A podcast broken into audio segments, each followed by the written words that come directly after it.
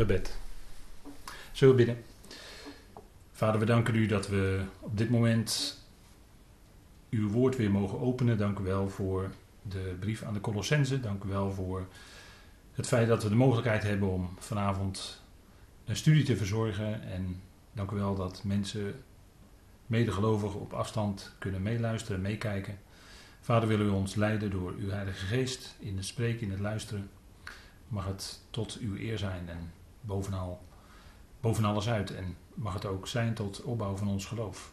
Dank u wel dat we in deze tijd waarin zoveel aan de hand is, een bijzondere tijd waarin we leven, met alle beperkingen, Vader, dat uw woord niet beperkt is en dat uw woord vrij kan doorgaan.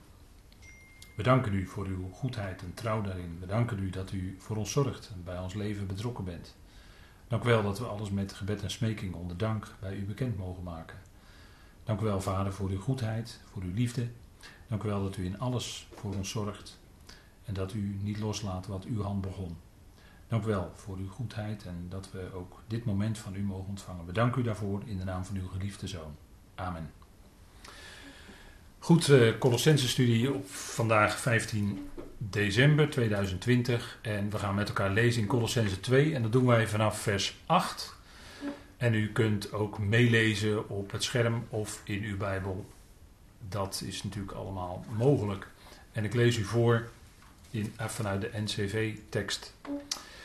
Daar staat: Zie toe dat er niemand zal zijn die jullie meesleept door filosofie en lege verleiding, in overeenstemming met de overlevering van mensen, in overeenstemming met de grondregels van de wereld en niet in overeenstemming met Christus. Want in Hem woont het hele complement van de Godheid lichamelijk. En jullie zijn compleet gemaakt in Hem, die het hoofd is van iedere soevereiniteit en gevolmachtigde. In Hem ook werden jullie besneden met een besnijdenis niet met handen verricht, in het afstropen van het lichaam van het vlees, in de besnijdenis van Christus. Tezamen met hem begraven zijnd in de doop. In hem ook werden jullie tezamen opgewekt door het geloof in de werkzaamheid van God, die hem heeft opgewekt uit de doden. Tot zover de tekst uit Colossensen 2. En de eerste opmerking die in dit stukje staat is Kijk uit. Zie dan toe. En we komen dat op specifieke momenten tegen in de brieven van Paulus. Allereerst in Efeze 5 en ook in Filippenzen 2. En Filippenzen hebben we natuurlijk uh, in de studies Filippenzen ook met elkaar behandeld. Maar dat is ook weer even geleden. Maar we gaan eerst even inzoomen op Efeze 5, vers 15. En er staat: Zie dan toe, broeders, hoe nauwgezet jullie wandelen niet als onwijzen, maar als wijzen. De era uitkopend, omdat de dagen boos zijn. Nou, we laten het even met deze tekst. Even de tekstverband is, natuurlijk Paulus spreekt in Efeze 5 over onze levenswandel als gelovigen. En dan gaat het vooral om de tegenstelling die hij daar ook weer naar voren brengt. De bekende tegenstelling tussen licht en duisternis. We zouden wandelen naar het licht en in het licht wat we hebben ontvangen. Dat is Christus, dat is Gods woord. En in deze tijd, hè, dit vers sluit af met dat omdat de dagen boos zijn. En ik denk dat we des te nadrukkelijker in onze tijd die opmerking van de apostel Paulus, wat dus in zijn dagen al aan de hand was, dat het in onze dagen ook nog steeds zo is en dat het zich wel steeds meer lijkt toe te spitsen dat de boze steeds meer terrein wint, steeds meer de overhand krijgt en stap voor stap neemt de duisternis verder toe. Of kan ook zeggen, de duisternis lijkt wel steeds intenser te worden. Het kan zo zijn dat als je even een wandelingetje gaat maken en je moet even een boodschapje doen, dat je nog met betrekkelijk licht een boodschapje doet en je komt de winkels weer uit en dan is het ineens donker geworden. Dan denk je, ik stap op straat, maar het is ineens donker. En zo lijkt het ook wel in deze tijd. Uh, was het misschien vijf, tien jaar geleden dat je denkt van nou ja, het gaat allemaal wel en ja, er is wel wat aan de hand, maar het loopt allemaal niet zo'n vaart. En, en nu zijn we tien jaar verder. En uh, afgelopen tien jaar, ja, financiële problemen in de wereld, bankencrisis. Ehm, we zijn er met z'n allen weer uitgekropen en het ging allemaal best weer lekker. de economieën draaiden als een tierenlier, zoals ze dat dan zeggen. En ineens komt er weer iets anders. En dan blijkt wereldwijd de zaak in lockdown te gaan. En dan word je ineens heel erg beperkt. En dan merk je ineens dat, ja, dat het toch wel zo is wat Paulus hier schrijft, dat de dagen boos zijn. En vandaar die opmerking, zie dan toe broeders, hè, dus zie dan toe is eigenlijk, kijk uit met een uitroepteken. Het staat daar in de gebiedende wijze in het Grieks. Hoe nauwgezet jullie wandelen. Let op dat woordje nauwgezet. He, dat is nauwkeurig wandelen. Ook, dat betekent ook letten op de kleine dingen. u kent het liedje wel, het zijn de kleine dingen die je doen. Dat is ook zo. En eh, als je ook in de wereld om je heen kijkt en er gebeuren allerlei dingen, dan heb ik geleerd om te letten op de details. Want vaak zitten in de details zitten juist de dingen waar je op moet letten. En in onze levenswandel zouden we nauwgezet wandelen. Dat wil zeggen, het is goed denk ik om heel regelmatig je leven, je levenswandel, in het licht te houden van de brieven van Paulus. Wat zegt Paulus daar allemaal over ons leven, over, uh, over natuurlijk evangelie, goed nieuws, absoluut goed nieuws. We wandelen en leven in genade, tuurlijk. En toch zegt hij ook heel veel dingen over onze levenspraktijk. En het is denk ik heel goed om regelmatig je leven te houden tegen het licht van wat Paulus allemaal zegt over onze praktijk. En dat is natuurlijk niet een set opgelegde regels van als je er niet aan voldoet, zoals bij Israël was onder de wet, dan krijg je de straf. Bij Paulus ligt dat natuurlijk heel anders. Bij Paulus vatten we dat veel meer op als dat zijn dringende adviezen die de apostel geeft. En die liggen altijd helemaal in lijn met het evangelie wat hij brengt. En dat is natuurlijk, heeft alles te maken met de eer van God. De eer van onze Heer. Ons leven tot eer van Hem. Daar gaat het om. En dan ben je helemaal uit die sfeer van wetticisme vandaan. Hè, van nou moet ik dit en nou moet ik dat en dan moet dat. En als ik daar niet aan voldoe, dan krijg ik straf. Nee, zo werkt het natuurlijk helemaal niet. Helemaal, we leven in genade. En de diepte daarvan, hè, van, van, van dat in genade leven en met het wel en niet moeten, daarvoor raad ik u dringend aan, lees die Galatenbrief. Lees die brief. En laat het tot je doordringen. En als je wat meer wil weten, als je wat verder erin wil verdiepen, luister naar de studies van de Galatenbrief. Maar het gaat natuurlijk om Gods woord zelf. Dus lees die Galatenbrief regelmatig. Dan blijf je weg bij. En daar wordt ook in gezegd. En kort geleden had ik een wat langer gesprek met iemand. En toen kwam het ook naar voren. Wat in Galaten 3 staat. Hè, zegt Paulus tegen die Galaten van. Wie heeft jullie betoverd? En dat woord betoverd, hè, dat, dat is daar een, wat ander woord dan bijvoorbeeld in openbaring gebruikt wordt. Uh, maar wat, hè, het woord voor toverij, wat, wat in handelingen 13 voor Elimas gebruikt wordt en wat in openbaring 9 gebruikt wordt en openbaring 18 en dat vertalen we dan met toverij. En dat woord kennen wij wel in ons taalgebruik, want de farmaceuten, farmaceutisch, dat is eigenlijk bijna het Griekse woord pharmakeia. En daar is het ook van afgeleid. En dat heeft eigenlijk te maken in de grond van de zaak met bedwelming. En als iemand, als iemand uh, bedwelmd is, als iemand, en dat kun je ook in het occulte trekken, als iemand betoverd is, hè, onder het beslag is gekomen van het occulte, dat is hetzelfde als een vorm van betovering, dan is die als het ware bedwelmd. Dan kan hij niet meer helder nadenken, dan kan hij niet meer zien hoe de dingen zitten. En de mensen zullen in de eindtijd, ondanks de enorme gerichten die gaan komen, zullen ze zich niet daarvan omkeren. Staat in openbaring nota bene.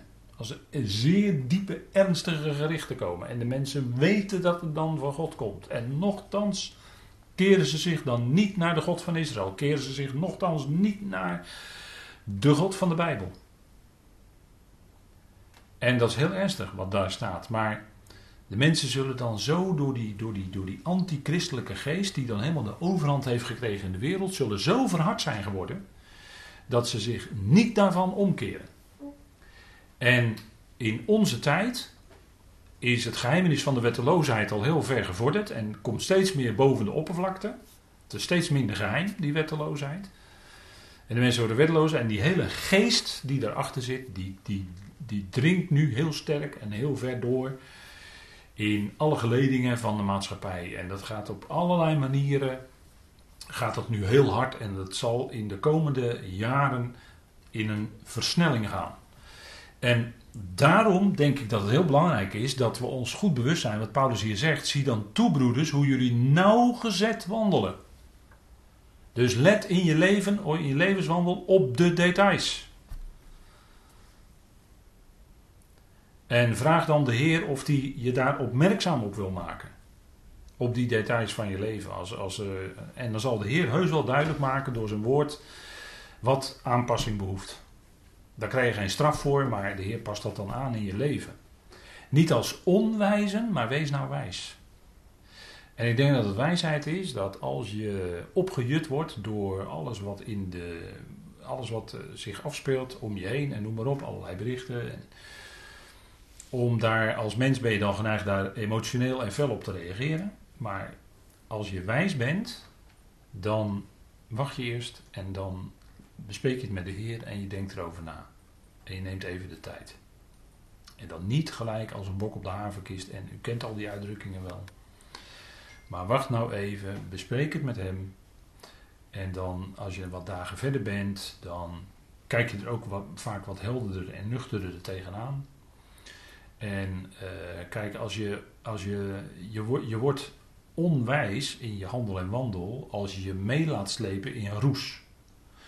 En in 1 Thessalonicense 5 staat dat we zouden nuchter zijn. Ik heb dat in de afgelopen tijd ook diverse keren in mijn dagstukjes aangegeven. Dat wij nuchter en waakzaam zouden zijn. Waarom? Omdat Paulus dat zegt daar in 1 Thessalonicense 5. Dat zijn de brieven van onze verwachting. En we leven in die dagen dat 1 Thessalonicense 4, als u het mij vraagt, kan er maar zijn elke dag klinken. En dus in die, in die laatste tijd, in die laatste era, want Paulus heeft het in vers 15 hier ook over de era uitkopend. De era uitkopend. En wat doe je als je op de markt bent? Dan, ga je de markt uitkopen. Wat wil dat zeggen? Je gaat uit op de koopjes. Het moet goede kwaliteit zijn, zo goedkoop mogelijk. Dan moet bij die kraam zijn. Maar soms is het zo, ook op de markt zelfs, als je iets betere kwaliteit wil, moet je ook iets beter, ietsje meer betalen. Heb je toch wat meer kwaliteit en dan moet je toch naar een andere kraam. Ik hoef u er niks over te vertellen. Ik loop niet zo vaak op de markt. Dat doet mijn vrouw uh, regelmatig. En die weet het allemaal precies. Dus dat is uh, 100% veilig verzekerd. En dan komen er ook goede producten in huis. Nou, daar ben ik altijd heel erg blij mee. En dat is wat je, ja, wat je doet als je op de markt bent. Maar we zouden ook in onze wandel. Ik, ik gebruik dat beeld even. Voor onze, hè, omdat uitkopen heeft te maken met markt. Dat is het woord agora in het Grieks. Dat is markt. We zouden deze era waarin we leven, waarin de dagen boos zijn, zouden we uitkopen. Dat we zeggen, we zouden kijken naar wat nou het beste is voor onze wandel. Dat zijn de brieven van Paulus. Daar kunnen we heel kort en klaar, klip en klaar over zijn. De brieven van Paulus. Dat is het beste voor je wandel. Dat evangelie. En ga je door elkaar mixen met allerlei andere dingen en je gaat dat toepassen op je wandel, dan, dan, dan klopt er gewoon iets niet. Want dan mix je door elkaar en dan mis je kracht. Nee, je kunt met volle kracht vanuit de genade leven tot eer van Hem, als je volgt het evangelie van de apostel Paulus. Heel nadrukkelijk. En dan ben je ook bezig de era uit te kopen. De era uitkopen. Want de dagen zijn boos en de pijlen die komen echt wel. Op ons als gelovigen. De pijlen van tegenslag, de pijlen van spot, de pijlen van laster, de pijlen van, eh, nou moet ik het allemaal opnoemen. Zijn er zoveel. Maar we hebben dat langschild van het geloof, waarmee we al die vlammende pijlen van de boze zullen kunnen blussen. Want de machten van de boze, die dringen zich steeds meer op aan de mensheid, die, die beïnvloeden mensen, die gebruiken mensen. En de aanvallen voor ons als gelovigen, die kunnen zowel van links als van rechts komen. En dat bedoel ik dan niet politiek, maar dat bedoel ik eh, van links en van rechts, dus van de buitenwacht van de ongelovigen. Maar het kan, aanvallen kunnen ook van binnenuit, van medegelovigen komen, dat kan ook. Want machten gebruiken ook medegelovigen bij gelegenheid om ons te raken.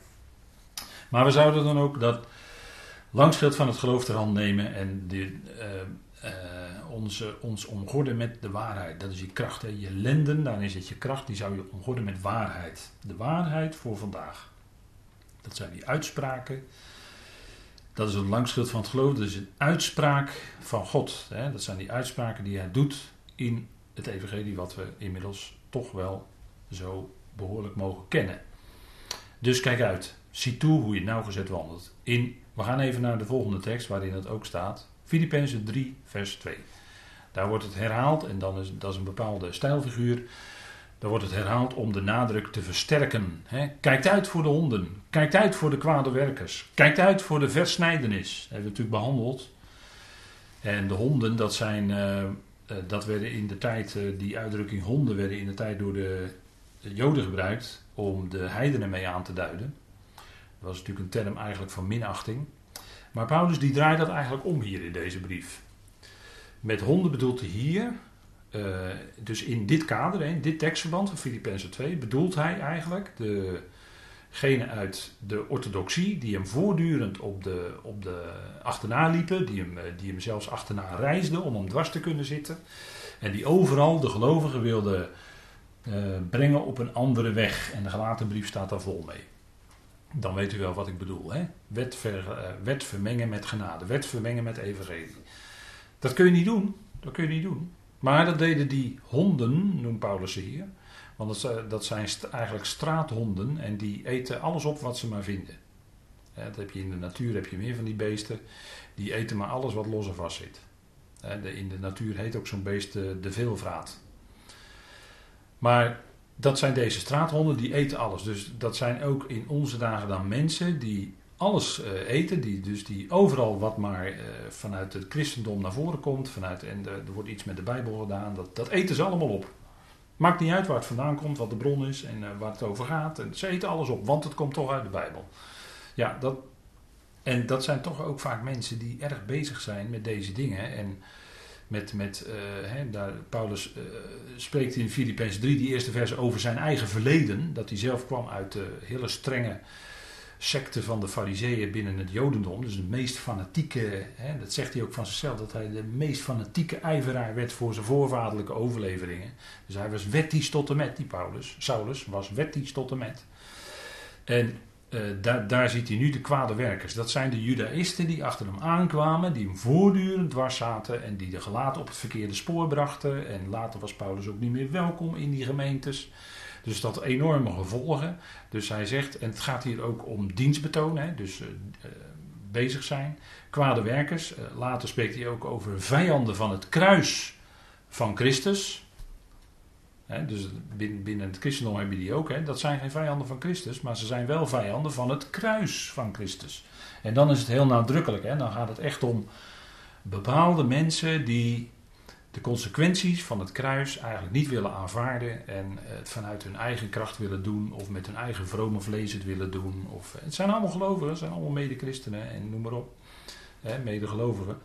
Maar daar zijn dan, dat zijn dan de kwade werkers. De kwade werkers. En Paulus waarschuwt daar niet voor niets tegen. En nog duidelijker wordt het als hij zegt: kijkt uit voor de versnijdenis. Normaal is het woord, betekent het woord letterlijk rondomsnijding. Besnijdenis, dat is letterlijk rondomsnijding. Maar hier is het letterlijk neersnijding. Dat woord gebruikt hij vanuit het Grieks. De versnijdenis. Dat wil zeggen, ze willen nu aan de gelovigen opdringen dat ze zich moeten laten besnijden. En niets is meer de klok terugdraaiend dan dat. En het heeft helemaal niets te betekenen in deze tijd. Als je laat besnijden, dan heeft dat niets te betekenen. Helemaal niets. Het voegt helemaal niks toe. En dat is wat Paulus ook duidelijk laat merken hier in Filippenzen 3, maar ook in Galaten 5. Als we Galaten 5 lezen, dan zegt hij daar: Zie ik, Paulus, zeggen jullie, Galaten 5, vers 2. Indien jullie je ooit laten besnijden, zal Christus jullie in niets baten. Dat zijn ernstige woorden hoor. En dat is echt hier in vers 2 van Galaten 5 tegenover elkaar gesteld. Christus tegenover besnijdenis. Het is of besnijdenis of Christus. Als je laat besnijden, dan zeg je eigenlijk daarmee dat je vanuit eigen kracht met je eigen vlees de wet wil houden. Nou, dan heb je voor je praktijk Christus helemaal niet nodig. Zo arrogant ben je dan. En het punt is dat als we volgen wat Paulus hier zegt, dan. Hè, Paulus trekt ook gelijk de consequentie. Ik getuig echter weer aan ieder mens die zich laat besnijden dat hij schuldenaar is de hele wet te doen. En het was al uitgebreid aangetoond bij het volk Israël dat dat niet kon. Zwaar niet in staat om de wet te houden. Nou, dat ging hem echt niet worden hoor. Paulus wijst in Gelaten 5 een hele andere weg. Dat het, wij hebben de geest ontvangen en we zouden dan wandelen in de geest. Vers 16 van Gelaten 5. Ik zeg echter, over nauwgezet wandelen gesproken, wandelt in de geest en jullie volbrengen in geen geval de begeerte van het vlees. Dat is, eigenlijk, dat is eigenlijk het geheim, zou je kunnen zeggen, bij Paulus. Hij zegt, wandelt in de geest, dat wil zeggen in de kracht van de geest van God die je hebt ontvangen. Dus die is al aanwezig. Dus, hoezo besnijden? Hoezo? Dat heb je niet meer nodig dan, toch? Je hebt die geest al ontvangen, dan heb je alles al. En dan jullie volbrengen in geen geval de begeerte van het vlees. Als je wandelt in de kracht van de geest, dan is het automatische gevolg ervan dat je dus niet wandelt naar de begeerte van het vlees. Is ook eigenlijk heel duidelijk. Het, het is of het een of het ander. En dat is natuurlijk een weg die God met je gaat. Maar dit is wel het geheim. Want het vlees begeert tegen de geest, de geest echter tegen het vlees. En iedere gelovige kent dat conflict. Als ik, als ik eh, naar u toe zou komen, bij u thuis zou komen, ik zou u de vraag stellen: U als gelovige, kent u dat conflict tussen vlees en geest? Nou, dan zou iedereen gelijk zeggen: Ja, ik, ja dat ken ik. Ja, als je gelovig bent, dan weet je dat.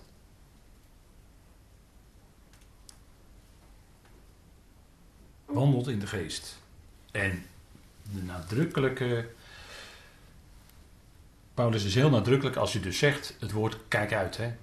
Nou, want Christus, en dan ga ik verder en dan gaan we weer even terug naar Colossense. Christus is het antwoord op iedere filosofie en elke religie. Het is filosofie of Christus. Het is religie of Christus. Niet en en.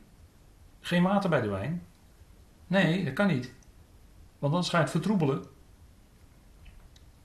Wijn doe je in dagelijks leven ook niet aanlengen met water. Nou, ga dan Christus ook niet aanlengen met filosofie en religie. Ga er nou niet iets bij mengen wat er niet hoort. Nee, zuiver Christus. Alleen. dat is uh, hetzelfde als genade alleen. Dat is hetzelfde als Gods woord alleen. Christus alleen.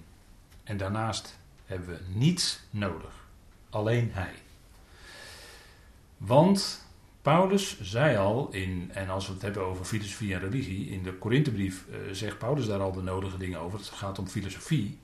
Want hij zegt, want de Christus zendt mij niet om te dopen, want dat is, hè, dan heeft hij het hier over de waterdoop, hè, dat wordt even heel scherp. Niet om te dopen, dus eh, let op waar hij niet voor zet, hè. niet om te dopen, maar te evangeliseren. Niet in wijsheid van woord, dus opdat het kruis van Christus niet leeg gemaakt wordt. Want dat is het antwoord. Christus de gekruisigde. Dus dan gaat het niet meer om dopen, want dat heeft dan, van dopen krijgt dan, dopen in water krijgt dan een religieuze bijsmaak, om het zo maar te zeggen. En ook niet wijsheid van woorden, heb je dus filosofie. Dus Paulus noemt in dit vers eigenlijk al religie en filosofie. Dat hij dat, dat, dat dus helemaal aan de kant gaat als we het hebben over de gekruisigde Christus. Hè? Want dat is de, de kern waar het om draait. Hij zegt opdat het kruis van Christus niet leeg gemaakt wordt. Dus als jij je als gelovige vervolgens laat dopen in water en je denkt dat het iets toevoegt, dan maak je het kruis van Christus leeg. Als jij als gelovige wendt tot, in, tot wijsheid van woorden, van mensen, filosofieën, en je denkt dat, dat jij dat nodig hebt, naast Christus, dan maak je het kruis van Christus leeg. Zo ernstig is het wel. En Paulus is natuurlijk bij de Corinthiërs vlijmscherp. Hij houdt van de Corinthiërs, hij houdt van die gemeente, hij bidt voor ze. Hij zegt dat ze alle genadegaven hebben ontvangen, dat is ook het eerste hoofdstuk. Dat ze allen eh, geweldig rijk gezegend zijn in Christus, het blijft allemaal staan. Maar als het gaat om hè, die hele Korinthebrieven, dat gaat allemaal over de praktijk. Als het gaat over de praktijk, dan zegt hij ja, wacht even. Dan wordt hij ineens heel scherp, want dan gaat het om de eer van zijn Heer. En is die in zijn betoog is die vlijmscherp. Hè? En kijk, want filosofie, eh, dat is eigenlijk, zegt hij in Colossense, lege verleiding. Het is leeg. En Paulus zei dat in zijn dagen, en toen was er al 500 jaar gefilosofeerd door de Grieken. Een uh, Pythagoras, die begon daar ooit mee, 500 eh, BC. Hè? Uh, u kent de stelling van Pythagoras waarschijnlijk wel, hè? die driehoek weet u nog wel. Ik weet het nog goed hoor, in de wiskundeles. a kwadraat plus b kwadraat is c kwadraat. Ja, er was geen spel tussen te krijgen. Dat was de stelling van Pythagoras, weet u nog wel. Nou, maar dat was ook een filosoof. En die begon ermee. En daarna kregen we, u ziet het op het plaatje hier, hè, kreeg je Plato, Socrates, Aristoteles. Hè, dat zijn uh, een klein beetje tijdgenoten van elkaar. Het waren allemaal beroemde filosofen. Maar er was ook een filosoof en die leefde iets voor hen en uh, ook wel tijdens hen. Dat was Aristippus. En dat is de grondlegger van het hedonisme.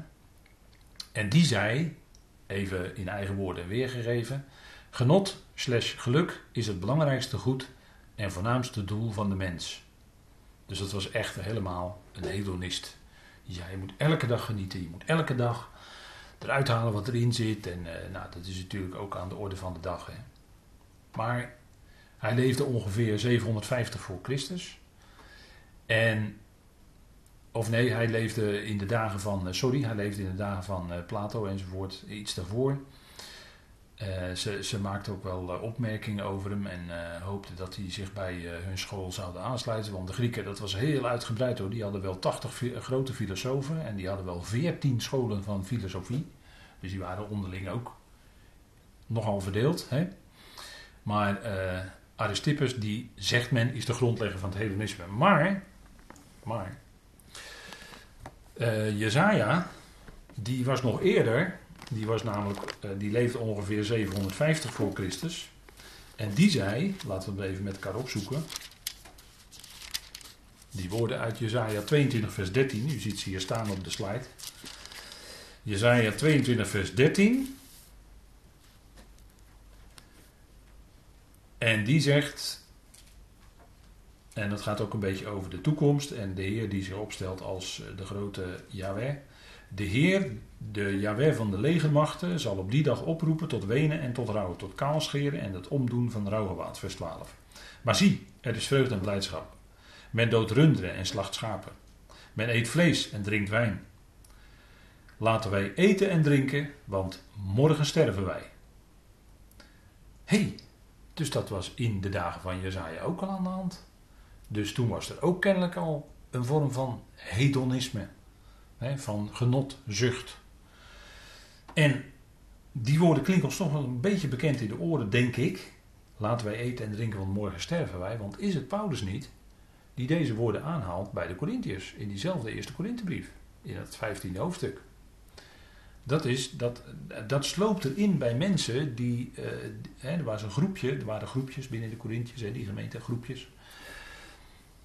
En er was ook een groep die zei, hè, er waren ook uh, uh, mensen die zeiden hardop, en die onderwezen, ken ik ook nog anderen ermee, dat de opstanding, ja, dat is eigenlijk al gebeurd. Dat is niet meer, dat is niet meer toekomstig en die ontkende eigenlijk zo'n beetje de opstanding. Hè. Daar gaat 1 Korinthe 15 over. En dan laat Paulus zien dat in een betoog, in, in, een heleboel punten, de onzinnigheid van, die, van dat onderwijs. Allereerst natuurlijk, Christus is gewoon opgewekt. Dat is gewoon een feit, dat is een keihard feit. Want hij is door meer dan 500 broeders tegelijkertijd gewoon gezien. En hij at gewoon vis met hen op, de, op het strand enzovoort. Dus hij is opgewekt uit de dood. Dat is gewoon een keihard feit. degene die dat ontkent is gewoon een leugenaar. dat is, de tegenstander wil dat graag natuurlijk ontkennen. Maar ja, we weten waar die de vader van is. dat is de vader van de leugen. dat is de, de, de originator ervan, de bedenker ervan, van die leugens. Maar die mensen in Korinthe, die ontkenden dus opstanding, waren dus leugenaars. En uh, waar het toe leidt, is ook uh, verslapping in, je, in je levenswandel. Je, leeft dan, je gaat dan automatisch minder naar de Heer toe leven, want Hij gaat komen. En je gaat automatisch gaat dat verslappen.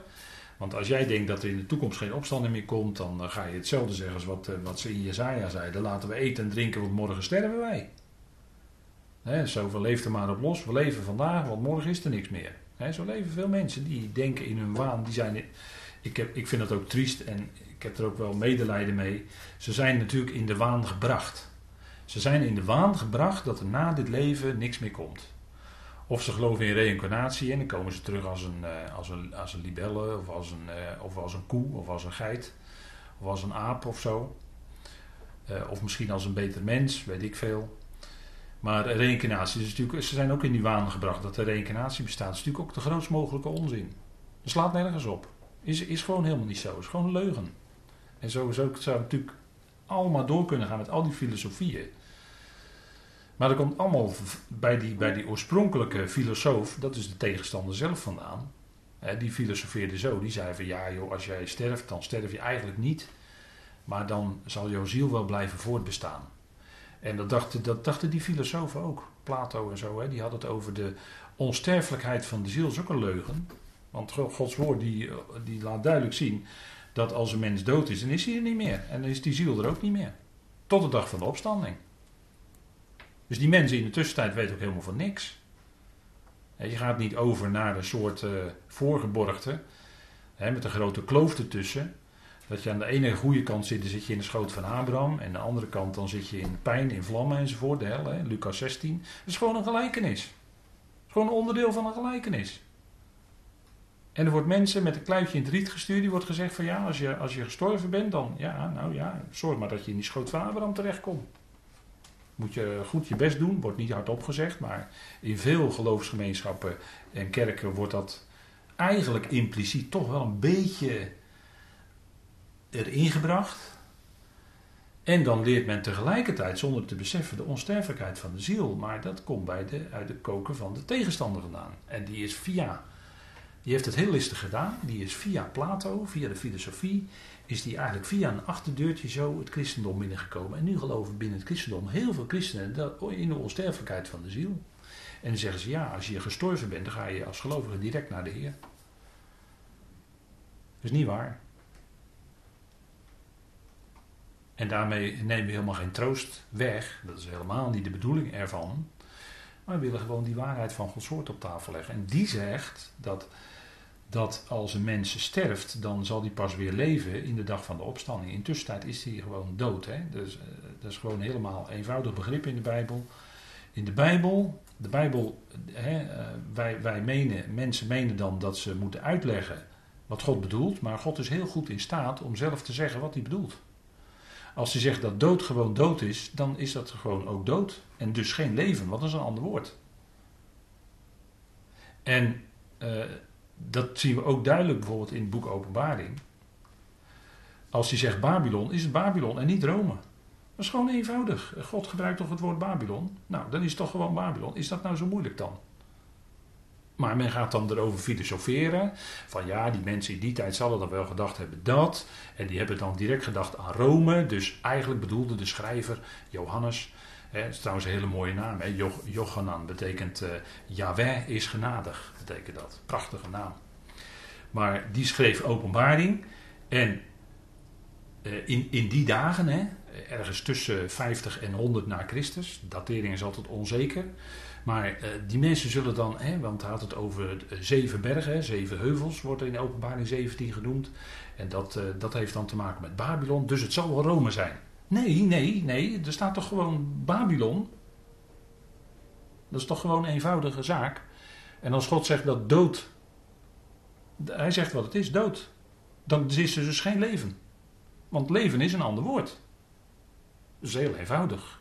Hè? Maar, maar dat heb je dus met filosofie. Hè? Zodra men gaat filosoferen, gaat redeneren over Gods woord, ja, dan kom je in de mist. Dan kom je in de mist. Dan raak je ver van huis hoor.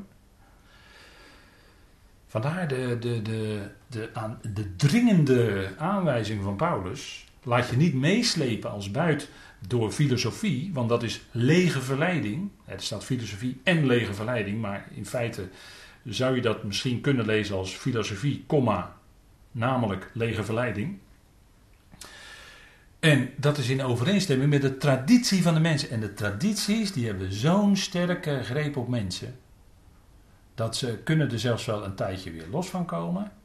Maar soms duurt het 10, 20 jaar. En dan keren ze toch weer terug bij die tradities. Toch weer, hè? Zo, dat is. Uh, ik meen, eh, ooit hadden, hadden we een gesprek, lang gesprek met een Engelse broeder. En uh, die zei ook op een gegeven moment van, uh, toen hadden we het over die dingen. Was een heel goed gesprek met uh, een zeer, zeer een Engelse broeder die heel erg veel van de schrift weet. En die sprak ons en die wilde toen ook heel veel vertellen. Daar hebben we urenlang mee gepraat.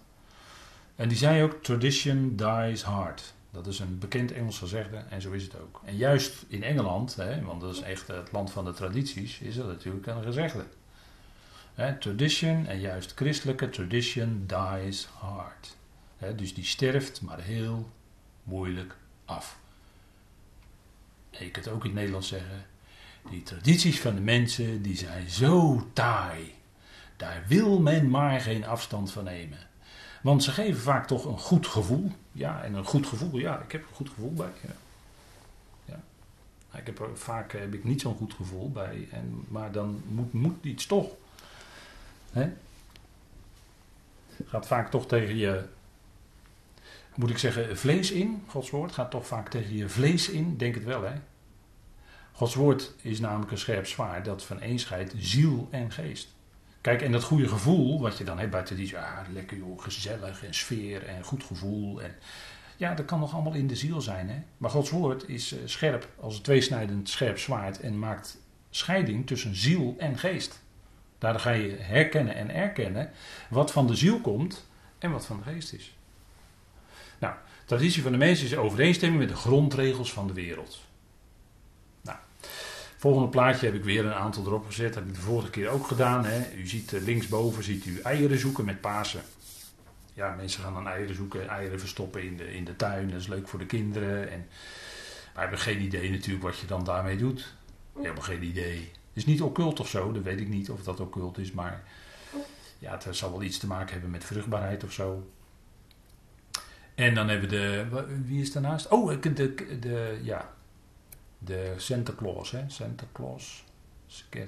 En dan met die dikke buik, dat is, uh, die zie je steeds meer. Hè? In, uh, maar die kun je gewoon kopen bij de, bij de tuincentra. Kan je gewoon kopen, die met die dikke buik.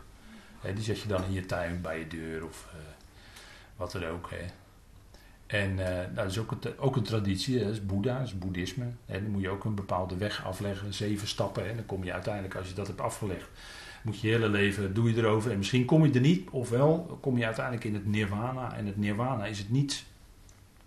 Dus ben je hele leven bezig met allemaal stappen te zetten omhoog. En uiteindelijk, waar kom je dan toe? Niets. Je gaat op in het niets. In het nirvana. Er was uh, destijds een popgroep die zich zo noemde. En uh, dat bleek ook wel, en dat vind ik heel verdrietig hoor, dat ik dat moet zeggen. Maar die, die zanger van die popgroep, Kurt Cobain, die uh, stierf op 27-jarige leeftijd door zelfmoord. En dan noem je jezelf nirvana. Ik denk dat je dan toch daarmee iets zegt. En dat vind ik triest, vind ik triest. Dat zulke dingen gebeuren. dan ben je helemaal in de waan gebracht en dan zie je helemaal, helemaal geen toekomst meer. Je ziet alles duister. heel moeilijk, lastig. En daarnaast een heel ander plaatje, de Westminster Confessie. Misschien hebt u wel eens van gehoord. Die kennen, de, als ik het goed lees, de grote en de kleine catechismus. Nou, misschien kent u maar één catechismus, maar dat hoort eigenlijk allemaal bij tradities van mensen. En dan heb je de Talmud. En daar zullen ongetwijfeld, ik ken de Talmud niet zo goed, ik weet een paar dingen over, maar daar zullen ongetwijfeld hele mooie dingen in staan. Maar het vertegenwoordigt ook een hele traditie bij het Jodendom. En dat is toch, kijk, de Talmud, je hebt ook de, want je hebt binnen het Jodendom heb je allerlei, heel veel, heel veel groepjes ook. Hè? Heel veel binnen het Jodendom, heel erg veel. Maar dan heb je bijvoorbeeld de Karaïtische Joden, die, die willen helemaal niks met die Talmud te maken hebben. Die, wil, die zeggen alleen de schrift. En kijk, daar heb ik sympathie voor. Die zeggen niet al die tradities ernaast. Karaïtische Joden zeggen dat, hè. En die willen alleen de schrift, alleen Tenach. Ze verwerpen dan helaas de Griekse schrift. Maar daar heb ik toch sympathie voor. Want niet al die tradities ernaast. Want in de praktijk, dat is, dat is het vervelende. Hè, dus, en natuurlijk, er staan best goede dingen in de Talmud. Maar het vervelende is dat die tradities in de praktijk, en dat is ook in het christendom gebeurd, de betekenis en de dingen van de schrift zijn gaan overheersen. Dat, dat is vervelend. En ik heb het wel eens vaker aangehaald, maar in dit verband doe ik het dan toch nog maar een keer. Wijlen professor Dr. J. Graafland, hè, binnen de confessionele stroming van de hervormde kerk, die zei, en dat was een hele goeie van hem, hij zegt we zouden onze beleidenisgeschriften moeten toetsen aan de schrift. En hij bedoelde daarmee natuurlijk dat daarmee dus een heleboel gewoon overboord kan kieperen. Dat bedoelde hij. Want hij wist meer. Op grond van de schrift. Dus dan zegt u iemand die daar dus, een professor van binnenuit, die zegt het zelf, hè? En uh, nou goed, uh, dat is ook traditie. Hè?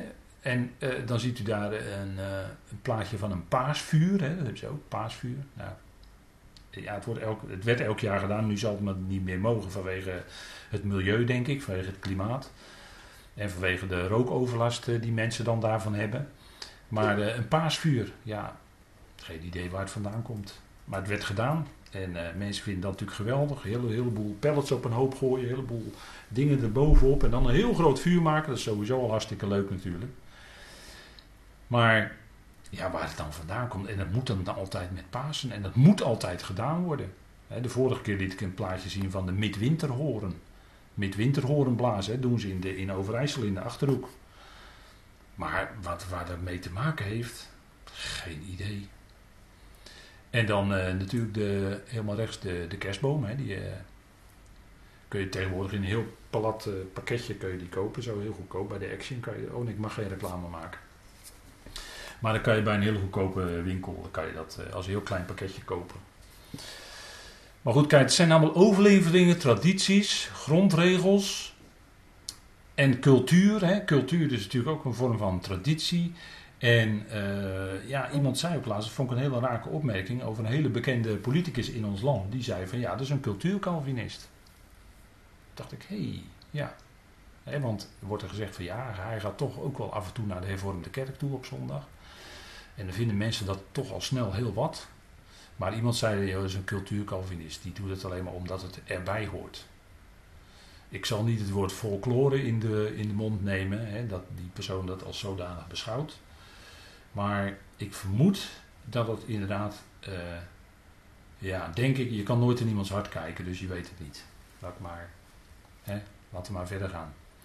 Kijk, de geloofwaardigheid, wat God gaat doen met die uh, wijsheid van de wijzen, dat, uh, dat was natuurlijk ook prachtig. Daar hebben we wel eens een avondstudie over gedaan. Dat is alweer heel wat jaren geleden. Daar hebben we een avondstudie over gedaan dat uh, met die tien plagen in Egypte, dat was eigenlijk prachtig, want God zette met die, al die plagen, zette die goden van Egypte te kijken. En dus ook die wijsheid.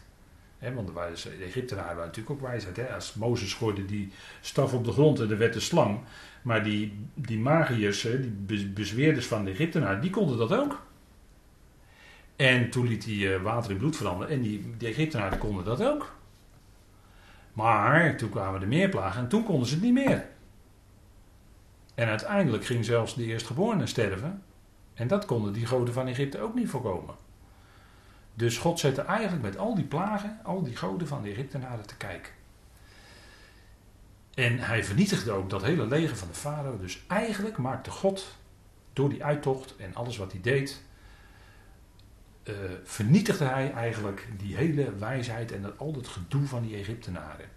Die geloofwaardigheid van die goden ging helemaal teniet. En daarom zegt hij ook in Jesaja 29 vers 14... Daarom zie ik ga verder met wonderlijk handelen met dit volk, wonderlijk en wonderbaar, want de wijsheid van zijn wijze zal vergaan en het verstand van zijn verstandigen zal zich verbergen. En dat is de tekst die Paulus ook aanhaalt in 1 Korinthe 1. Zo haalt hij weer een tekst uit Jezaja aan. Hè? Hij zal het verstand, hij zal de wijsheid, let op, hè, hij zal de wijsheid van de wijzen doen vergaan en het verstand van de verstandigen zal zich verbergen. Dat is wat God doet. En wat blijft dus? De wijsheid van God. Want de wijsheid en het verstand van de mensen gaat er niet. Maar de wijsheid van God, die blijft bestaan. En ieder mens zal ook gaan erkennen, gaan erkennen dat God de enige ware God is. Dat God de alleen wijze God is. Daar eindigt Paulus ook mee in Romeinen 11 en zijn geweldige betoog. De alleen wijze God. Hem zij de eerlijkheid dat is, dat is, ja, of in Romeinen 16, wat is het? Maar dan gaat het om, dan prijst die God, dan looft die God met zijn woorden als de alleen wijze God. Dat is God die zijn plan in wijsheid en liefde heeft, uit ten uitvoer brengt en tot een goed einde zal brengen. Als het, als het helemaal goed is, als het helemaal alles in orde is, dan is het eindpunt bereikt. Is nog niet alles in orde, dan is het nog niet het einde. Dat betekent, zolang die tweede dood er is, is nog niet alles in orde. Pas als die tweede dood weg is, dan is alles in orde, dan is God alles in allen en dan is ook het einde van Gods plan bereikt. En dan begint de eeuwigheid. Ah, dat is natuurlijk fantastisch hè, dat je als gelovige zo'n uitzicht mag hebben. Dan heb je werkelijk, dan heb je werkelijk zicht op wie Christus is, namelijk het complement van God. Nou, daar gaan we na de pauze verder over nadenken. Zullen we even pauzeren?